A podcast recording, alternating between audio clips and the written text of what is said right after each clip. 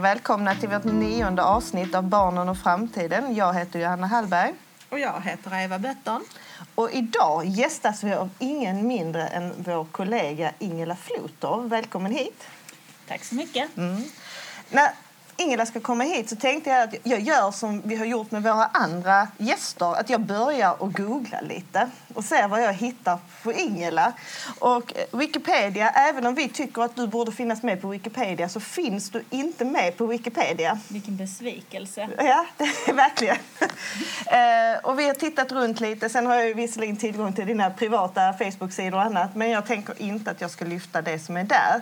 Men det jag vet om dig är ju att du är förskollärare i botten. Stämmer. Mm.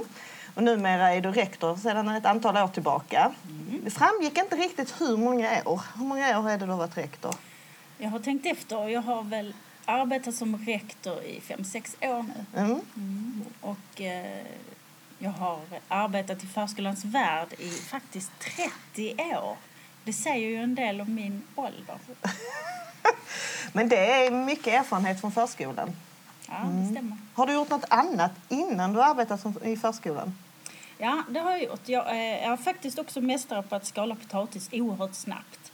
Jag har jobbat som köksbiträde Ja. i eh, Åkarp där jag växte upp eh, och där jobbade jag som köksbiträde i fyra år och av en anledning där fick jag för mig att nej, här ska jag inte stå och skala potatis utan jag ska faktiskt lära mig lite om hur man arbetar med barn. Mm. Och då sökte jag mig till en barnskötarutbildning, en eftergymnasial utbildning i Lund på Vipeholmsskolan. Och där lärde jag mig en hel del. Mm. Jobbade som barnskötare i ett antal år och blev aldrig riktigt, riktigt säker i den rollen. Eh, Och efter jag sen fick barn, jag är mamma till två barn som är vuxna idag. Och när jag hade varit föräldraledig med dem så tänkte jag nej, jag får nog faktiskt lära mig mer för att bli bättre i den rollen ute i förskolan. Och då sökte jag till lärarhögskolan. Spännande, spännande. Det tycker vi är bra. Ja. Jag med. Jag är så nöjd över det yrkesvalet. Mm. Och det är väl härligt när man inte ångrar någonting. Ja, faktiskt. Vad är det som är det bästa med förskolan? I förskolan så möter man de viktigaste, viktigaste tycker jag naturligtvis, för jag är oerhört färgad av barnens betydelse. Ehm, De är så ärliga i sitt sätt att möta en. Ehm, Och de är Ja, de har många idéer och de vill mycket och det är lek och det är fantasi och det är liksom, ingen dag är den andra lik. Och det, det har fascinerat mig från, från början. Och nu utifrån min rektorsroll så ser jag ju det lite på avstånd men när man möter ett litet barn och så där tittar dem i ögonen och, och får till det där samtalet och man känner det förtroliga som de, de ger en så ah, det blir rys. jag tycker det är magiskt. Ja. Vi kanske ska förtydliga. Var är du rektor någonstans? Jag är ju kollega till er här i Lomma kommun och eh, mina förskolor som jag ansvarar för är eh, placerade i Bjärred, Mm. norra kommundelen. Och en av dina förskolor är en uteförskola. Eller en, några avdelningar i alla fall. Vi har en avdelning på Trollets förskola som heter Utetrollen. Mm. Och de har varit igång sedan 2005. Mm. Och det är något häftigt. Det är magiskt. Är man intresserad av förskola så, så ska man vara nyfiken på den verksamheten tycker jag. Mm. Vad är det speciellt? Kan du beskriva vad är, alltså, hur gör ni? Är ni ute hela tiden? Är ni ute delar? Hur fungerar det? Om jag ska beskriva utetrollen så vill jag faktiskt börja med att säga magi. Att komma in där på den avdelningen, man öppnar grinden, det gnisslar och den är lite seg att öppna.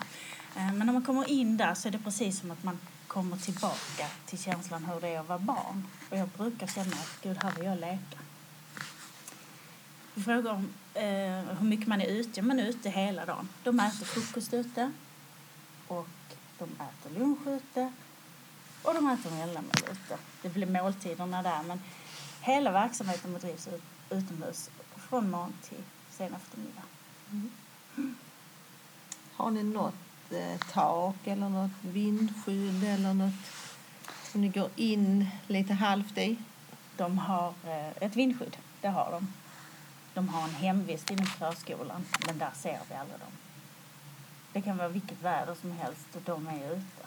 Vid stormbyar, verkligen riktigt, riktigt ruggigt väder, låt säga en, två gånger om året, Då kan de möjligtvis vara inne ett par timmar på eftermiddagen. Men annars är de rustade för det här och tycker liksom, ja, ute kan vi vara. Det här är så magiskt att vara. Vad är det som är den magin? Jag är nyfiken på. Marco, har inte varit och hälsat på hos oss, Eva? Vad som är så magiskt där? Jag tror att det här är ju en, en skogsdunge från början som inte alls användes till någonting men jag tror att man släppte in hundar där eh, och rastade dem. Så det, man röjde upp där och, och skapade rum i rummen eh, i den här skogsdungen. Och där är flis på, på, i gångarna och där är ja, som sagt rum i rummen.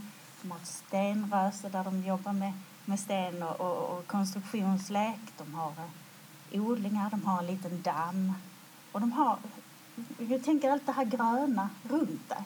Där taket är, är grönt eller ja, på, på vintern lite ja, kvistigt och dant. Men, men det, det, det har naturen så otroligt nära.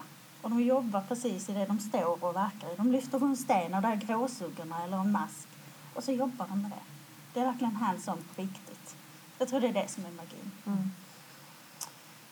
Lena som en gång startade startade Utetrollen tillsammans med Ami. Hon eh, berättade för mig, för vi, vi pratade en hel del om, om det här med vad gör vi med tiden vi är utomhus. Så sa hon, Ingela, och så far hon ner på golvet, man måste vara här, man måste vara nere i marken, man måste lyfta, man måste vara tillsammans med barnen och upptäcka, uppleva och känna. Det är där vi ska vara när vi jobbar med barnen utomhus. Och det gäller inte bara en utavdelning utan det gäller alla våra verksamheter. Att vara så medforskande och medupptäckande med barnen. Mm. Jag Då blir det magi. Ja, och jag tänker så här nu vid coronatider eh, där vi försöker förlägga mycket tid ute. Har ni haft nytta av denna avdelningen? Alltså jag tänker även för de andra avdelningarna, att ni har kunnat dra nytta av den på något sätt, eh, deras kunskaper. Absolut. Vi... Det finns alltid samarbete med just utavdelningen för att de erbjuder någonting annat. De erbjuder just... Det finns inget som är tillrättalagt eller förutbestämt att här leker man detta utan här ute på gården, ute i den här utavdelningen. I vår podd har vi haft eh, diskussion med Susanne Kylander som har forskat om digitalisering. Och vi har pratat med Joakim Jardenberg om digitalisering i framtiden. Var kommer vi vara människan 10.0? Eh, och jag tänker att när du berättar så målande och häftigt om, eh, om att ni är nere på marken och lyfter på stenar och ser på gråsuggor. Det ska vi också göra. Jag blir så inspirerad av det. Eh, hur kopplar ni ihop det? Jag tänker att pedagogerna här använder just det de står och arbetar i och ser barnen är så intresserade av det tar de med sig eh, in i, det digitala. De, de använder mikroskop för att ta reda på mer eller se mer och sen så använder de digitala verktygen för att undersöka och dokumentera och gå vidare i sina funderingar. Det som barnen visar att de verkligen vill. Jag tänker att för att de är ute mycket och står och arbetar i det som de eh, hittar under en sten eller så betyder inte att de gör andra saker. De gör det på ett annat vis, men de lyder under samma, eh, har ju samma uppdrag och samma mål att arbeta med som, alla andra i förskolan. Ehm, det som jag tycker är så viktigt och, och spännande med, med just utavdelningen är ju dels det här med naturen framför allt. Ju. Eh, men också genustänket är lite annorlunda när man är ute. Det är, Hur tänker du då? Jag tänker att det är inte så förutbestämt utan här är, här är vi tillsammans. Vi ser att lekkonstellationerna förändras mer. Eh, de leker andra lekar, de bjuder in till annat. De, de, ja, de får andra erfarenheter. Mm.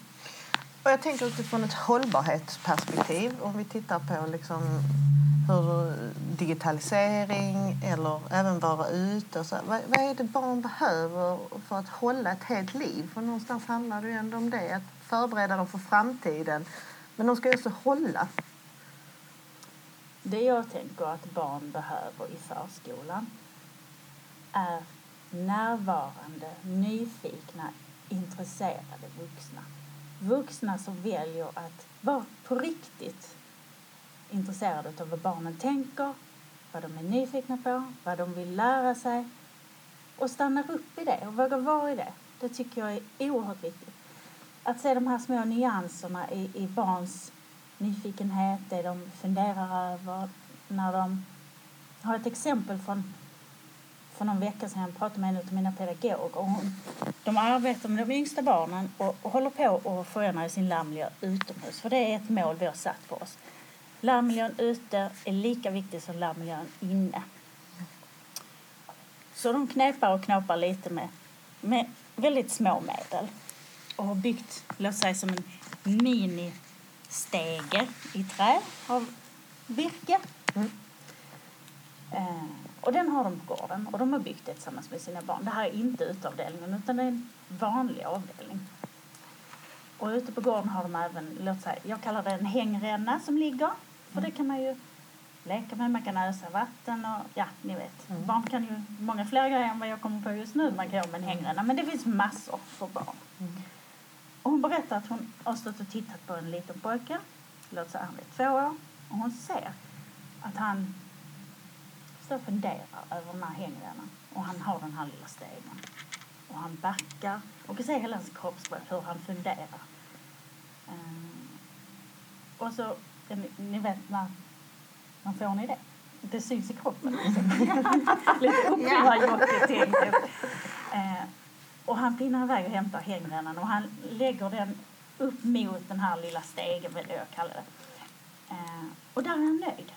Och så tar han ett par steg bakåt och tar sats.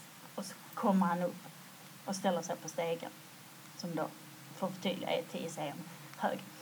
Och så tar han ett hopp och där är han klar. Och det väljer hon att berätta för mig. Mm. Och då tänker jag, och det bekräftar jag henne i, då har du sett det där lilla, lilla. I hela hans, liksom, hela den här processen när barnet väl, behöver testa detta för att lära sig någonting. Och hon väljer att berätta det för mig och hon blev sen väldigt glad över att jag sa, gud att du såg det lilla. Det där tycker jag är fantastiskt. För jag tänker att barn behöver möta vuxna i förskolan som väljer att se det de, det de övar på, det de funderar kring, det de tänker, det de uttrycker att de vill lära och att vi bekräftar det. Det tror jag barn behöver möta. Mm. För att i bekräftelse så växer man ju. Det vet ju vi. Mm. Men jag tänker även i det här lilla, lilla, lilla mm. så gör det skillnad för barn. Just att se lärandet mm. i stunden. Mm. Ja, det är häftigt. Ja, det är häftigt, den här pojken då som står där med stegen. Jag, jag kunde verkligen se det. Jag kunde se när hon, när hon beskrev det för mig, kunde jag se det framför mig. Och när jag sen i sin tur kunde bekräfta henne att hon hade sett det så blev det, det ytterligare ett lärande. Jag tänker en sak som vi ska arbeta med i förskolan är ju teknik och det är ju en del av tekniken. Hur arbetar ni med teknik medvetet utomhus? Jag har ju fantastiska pedagoger som arbetar med det här. Eh, och vi håller just nu på att utveckla just eh, den här uteverksamheten eller vad vi erbjuder barnen utomhus. Och då är det ju till exempel det grovmotoriska och teknik som du är inne på här. Eh, och med enkla medel och med pedagoger som, som vill erbjuda och utveckla det här så arbetar de skickligt med det. Det är inte jag närmast, men jag försöker att uppmuntra det och påvisa att det här, det här är bra grejer. De visar väldigt mycket genom sin, sina Instagramkonto också. Så det är många som tar del av De inspirerar och inspirerar varandra i det arbetet. Ja, ni är väldigt aktiva på Instagram. Ja. Mm. Mm. Vad heter ert Instagram om man vill följa det? Alla avdelningar heter förskolans namn först och det är Trollet. Så om man skriver Trollet i sökrutan eller min andra förskola, Äpplegården, så är de också väldigt aktiva. Mm. Och det har vi valt att göra. Inte för att visa för föräldrar, utan vi vill visa och inspirera andra. Mm. Um, och också följa andra. Mm. För, för jag tror att det här med dela, vi pratar ibland om dela kultur. Mm. Jag tror att det är viktigt. Ingen kan allt, men alla kan lite grann. Uh, och jag tror att det där ska vi också anamma och ta till oss. Mm. Det är lite tvärt emot Jante liksom. Mm. Det du gör som är bra, snälla ge mig det och lär mig det så jag också kan prova. Mm. Då blir vi det bättre tillsammans. Ja, vi växer, växer båda av det. Mm. Och någonstans måste det gynna barnen. Mm. Jag tänker så här, om man då får en plats på utetrollen som är rätt så populär. Eh, hur kan man tänka som vårdnadshavare? Alltså just det här att vara ute hela dagen och på det sättet. Hur, hur tänker, har ni haft några tankar kring det? Mm. Från allra första början så vet jag, då var jag ju inte ansvarig utan det har jag fått berättat för mig att då var det ju barn som kanske hade lite svårare att vara inne. Mm. Som behövde ut och springa lite mer. Eh, som som eh, gick till ut, utavdelningen. Men så är det inte längre utan det är flickor och pojkar som vars föräldrar tycker att det här verkar, verkar himla vettigt. Mm. De är ute mycket som sagt. Vi tror att de är friskare. Jag skulle kunna visa på det också. Eh, men de... Nu tappade jag vad du frågade.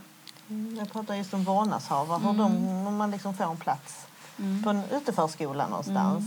Liksom, hur man ska tänka kring det.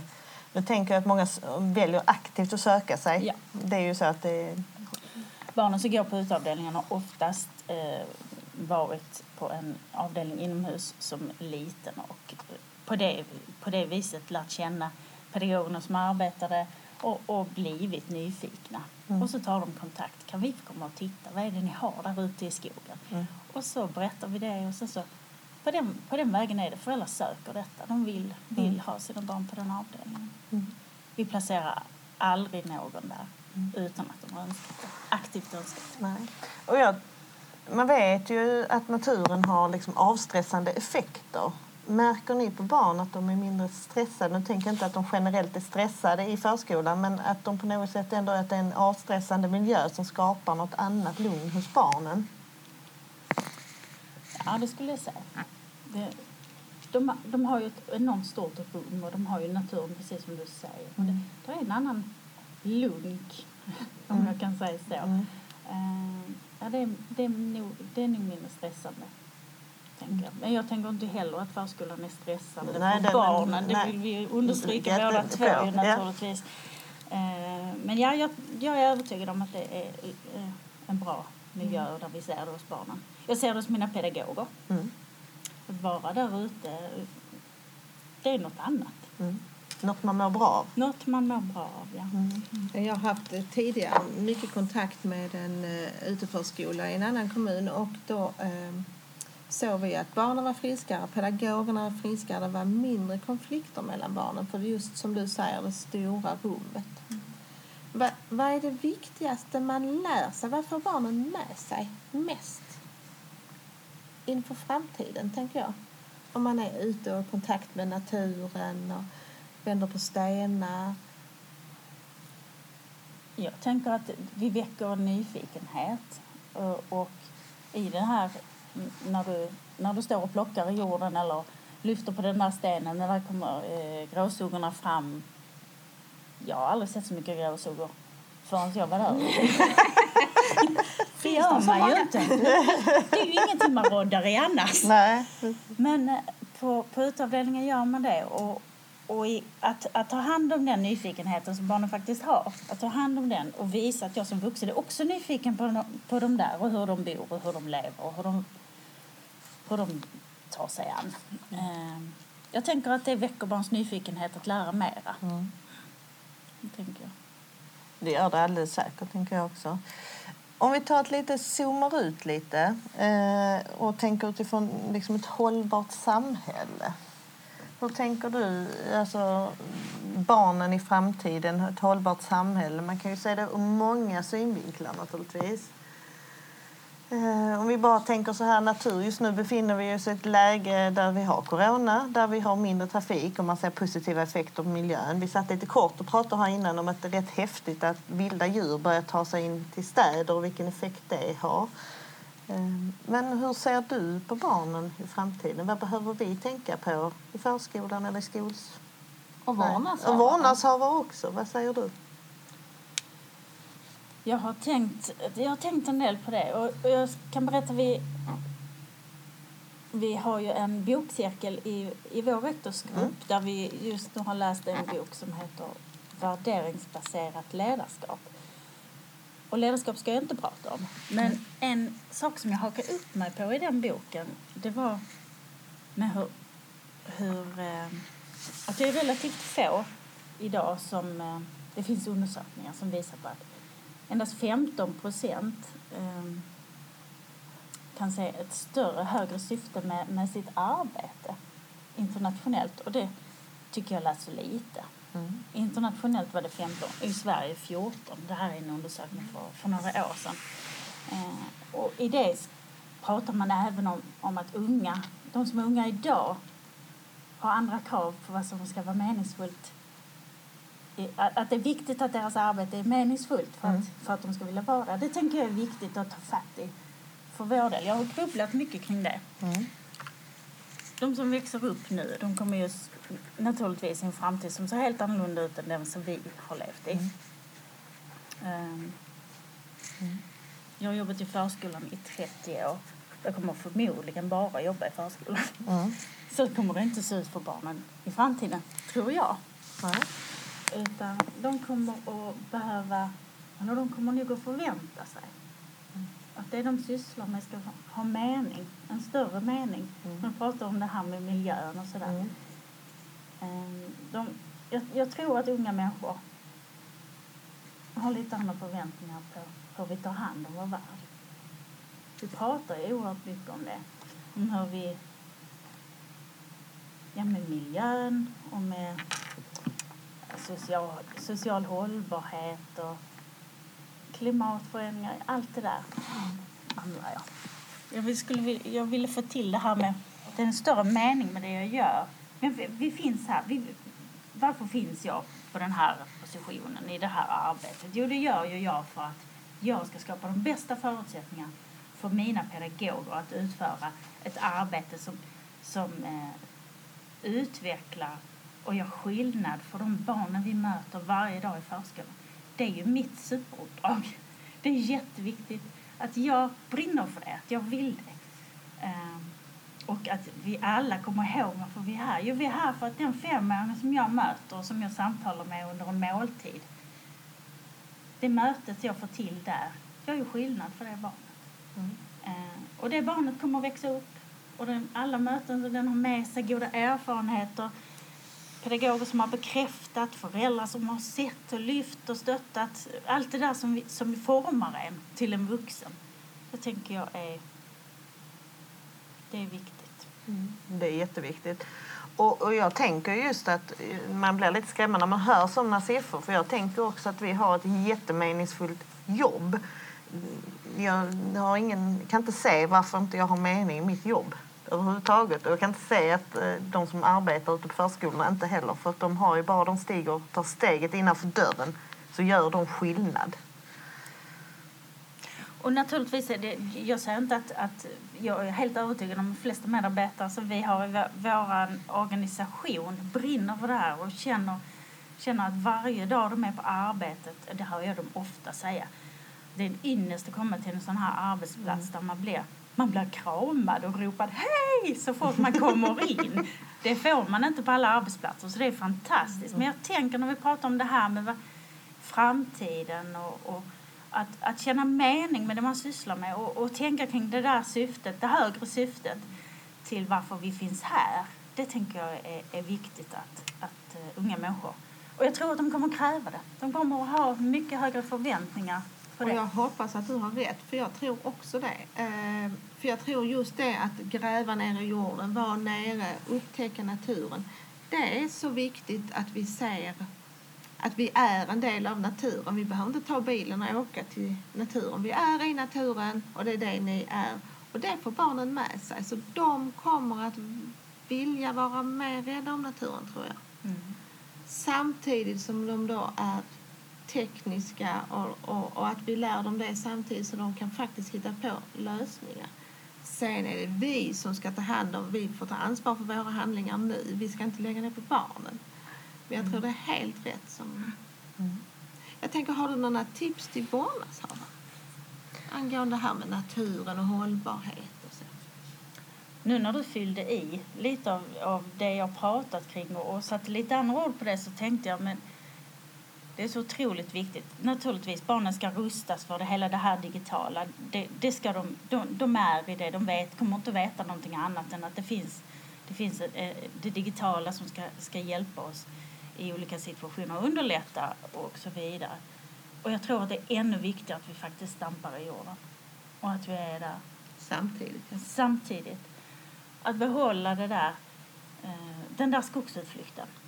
Eller bara åka ut och promenera och, och, och göra det liksom och lukta på blommorna och känna lite. Lite av det där basic.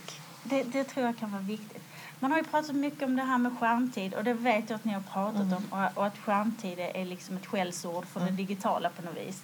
Um, men om man som vårdnadshavare kan uppleva att det är lite skrämmande och obehagligt så, så tänk precis som vi samtalar här att vi behöver lite av allt mm. för att rusta våra barn för mm. framtiden. Mm. Det tror jag också. Lagom balans av allt, då blir det bra. Då blir det bra. Mm. mm. Nu tänkte jag att vi ska släppa in vår Lummapappa.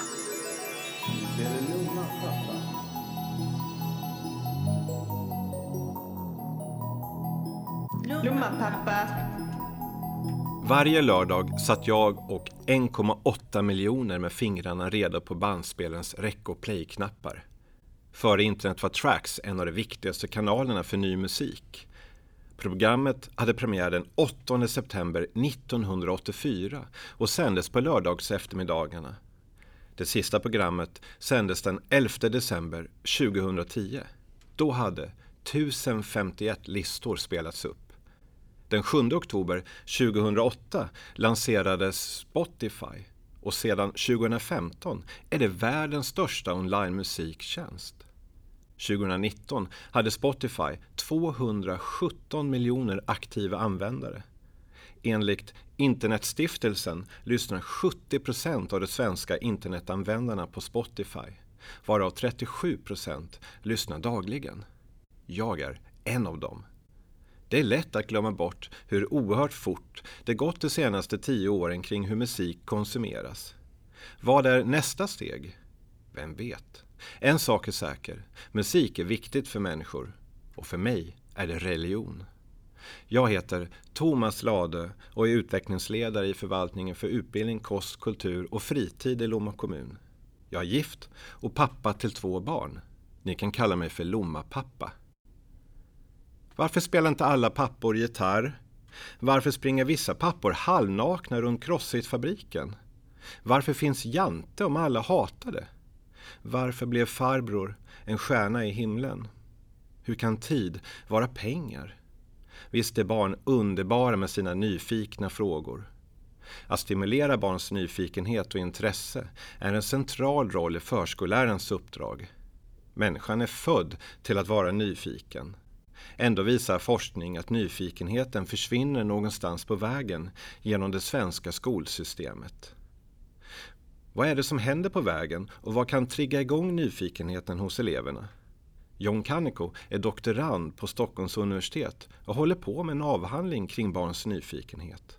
Han är övertygad om att det går att trigga igång nyfikenheten genom så kallade nyfikenhetstriggers. Hur nyfiken är du som lyssnar? Prova att fråga fikagrann varför jorden är rund, varför vi har sportlov eller varför skolan alltid börjar i mitten av augusti. För det sistnämnda, det måste ju vila på en vetenskaplig grund. Det kan ju inte vara gammal bondepraxis som är avgörande för hundratusentals elevers terminstart. Eller? En annan grej som är härligt med barn är lusten att lära. Men även det minskar med åren. Studier visar att det sker generellt efter årskurs 4 och fortsätter att minska ända upp till gymnasiet, enligt Skolverket. Det kanske hänger samman med att nyfikenheten minskar genom det svenska skolsystemet. En grej som jag är nyfiken på är hur framtidens Sverige kommer att se ut. Om orättvisorna har minskat, hållbar energi, minskad omöjlighet, det smarta Sverige. Om vi lyft fram den potential och innovationskraft som finns i hela Sverige. Om vi visar hur stad och landsbygd kan dra nytta av varandra. Jag är också nyfiken på framtidens förskolor. Jag hoppas att pedagogerna fortsätter att arbeta med barns nyfikenhet och lägga grunden för det livslånga lärandet. Undrar om avdelningarna kommer fortsätta heta Krabban, Fisken eller Sjöhästen? Eller om de byter namn till Swedish House Mafia, Roxette eller Rolling Stones. Det vore något. Jag tänker så här. Eh, våra största utmaningar i skolsverige idag. Våra största utmaningar för förskolan. Vi har en framtid som vi inte vet så mycket om. Vi har en samtid som vi ska ta hand om. Den ingår ju också i vår vision som vi faktiskt lever på riktigt i våra förskolor. Jag tänker att ni gör det i jättehög grad eh, med det här med hållbar utveckling på, på ett annat sätt än det digitala. Eh, jag tänker, vad har vi för utmaningar i detta? Ser du det? Den har ju många utmaningar naturligtvis. Eh, en som vi alla är ytterst medvetna om är ju försörjningen av eh, lärare. Och där tänker jag att det är så otroligt viktigt att vi, vi faktiskt visar vilket fantastiskt arbete vi har. De som arbetar i förskola och grundskola, ja hela vägen. Mm. Det är ett viktigt arbete och det behöver vi visa. Den mm. positiva bilden av, av skolan. Mm. Höja statusen i yrket men också visa på hur fantastiskt roligt det är att arbeta oavsett vilken ålder man nu trivs bäst med. Förskolan är den enda läroplanen som innehåller att vi ska ha roligt. Mm. Det brukar jag hålla fast på för man ska ha kul. Mm. Det är viktigt att ha roligt på alla jobb tänker jag, som nu när vi pratar om att trivas och inte trivas. Det har vi ju mm. faktiskt. Jag tänker så här också Ingela att eh, vi ska ha en likvärdig skola och vi ska rusta barnen på, för en, de ska ha samma förutsättningar i hela Sverige. Och då tänker jag också att det är viktigt. Hur tänker du kring det? Just det här att vara på båda, både digital, det digitala, tekniska men också att vara mycket ute. Ja, det är ytterligare en utmaning naturligtvis för, för en likvärdig förskola i hela vårt land. Det ser inte ut så idag. Inte ens idag, Nej, man det gör det säga. inte. Nej. Och det är en jätteutmaning. Mm. Och då behöver vi, precis som du säger, många pedagoger som ser detta som, som den glädjen du förmedlar. Mm. Att du tycker det är det magi på mm. jobbet. Och som ett uppdrag någonstans att som medborgare hjälpa till att bygga en bra, ett bra samhälle. För det är ju det vi bygger. Vi bygger ju på våra mm. små barn. Det är de som är vår framtid. Jag tänker att den berättelsen som vi, som vi berättar om vår verksamhet den behöver vara positiv. Den behöver locka till, locka till sig Eh, de unga som vi möter idag som eh, potentiella lärare i framtiden.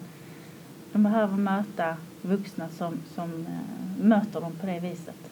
Så att man, man någonstans lockar till sig och, och kan visa på och återigen det som vi berättar om vår verksamhet och det, det vi gör och det vi erfar på ett positivt sätt. Och det, är så, det är så roligt för nu är detta vårt nionde avsnitt i den här podden mm. om framtiden och alla kommer in på det här att det är viktigt att vi är med barnen, vi ser barnen, vi lyssnar på dem, vi ska älska dem. Eh, vi ska ge dem framtidshopp. Ja. Otroligt viktigt. Mm. Alla kloka personer vi har pratat om här säger detsamma.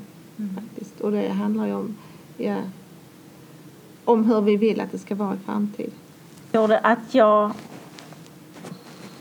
blev den pedagog jag blev en gång i tiden. Det var när jag valde att läsa till förskollärare och kom ut på min andra VFU. Det har vi pratat också om i vår rektorsgrupp. Det här med att våra studenter som kommer ut i vår verksamhet, hur viktigt det är att de möter lärare som, som visar hur positivt det här yrket faktiskt är min sån mentor, den som jag har burit med mig hela tiden och faktiskt hjälpte mig att bli den pedagog jag sen har, har varit um, mötte jag på min andra VFU, eller praktik hette det då.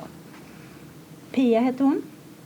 Och hennes sätt att uh, möta barnen blev direkt avgörande. Jag, det var precis som att då förstod jag att det är så här, det här är hantverket, det är det här man ska göra. Möta barnen på riktigt. Att verkligen stanna upp och lyssna. Det tänker jag är viktigt. Och hon har hela tiden varit en förebild för mig. Och det tänker jag att vi måste vara. Vi måste vara förebilder hela tiden. Vi måste vara förebilder för våra medarbetare. Och de i sin tur är jätteviktiga förebilder för barnen och för andra människor. Och jag tänker att någonstans är det det som är det, det som berättas om oss Mm. och vår verksamhet. Att vara förebild är viktigt och att barnen får förebilder också. Att de ser förebilder som gör, ger att de, gör att de får tro och hopp på framtiden. Och de ser vår värdegrund, för det är det vi pratar om också, värdegrunden. Mm. Den är så viktig och det är den vi sysslar med allra mest, tror jag, i förskolan. Förutom allt det där andra så är det värdegrunden vi pratar om mycket, mycket, mycket. Varje dag så möter barnen det på olika sätt. Och det är någonstans, tänker jag, rusta. Ja. Definitivt rusta för Mm. framtiden. Mm, Kanske allra mest. Och då tänkte jag att vi här summerar upp det Eva. Ja, vi avslutar här. Tusen tack Ingela. Vi har faktiskt pratat om vilken magi det är att arbeta på förskolan eh, och hur du ser den magin i den här utavdelningen men även på de andra avdelningarna när pedagogerna är nyfikna på riktigt och lyssnar på barnen och ser vad det är som, som sker i mötet med barnen och naturen. Eh, och att de närvarande, nyfikna, medforskande. Det är det som är viktigt. Det är det som gör den här kvaliteten. Att man ser. Eh, och att lärmiljöer ute är precis lika viktiga. Eh, det är få procent, det, det fastnar jag också för, få procent som i arbetslivet eh, ser en mening med sitt arbete. Och vi pratade här lite innan om att det är ju, det är ju det tror vi inte att det är så i förskolan för vårt arbete är så viktigt. Och jag tänker att vi vet ju i alla fall att det inte är så hos oss för vi gör ju enkäter på våra medarbetare. Vi vet att de upplever sig ha ett meningsfullt jobb. Men det är ju det är jätteviktigt. Och jag tänker att det är viktigt för framtidens arbete att vi har meningsfulla arbete. Jag tänker att barn som kommer ta hand om vår framtid kanske ser ett högre värde. Jag tror att du har alldeles rätt i det. Tusen tack Ingela! Tack så mycket. Det, ni har varit jätteroligt att vara med och samtala här med er. Mm.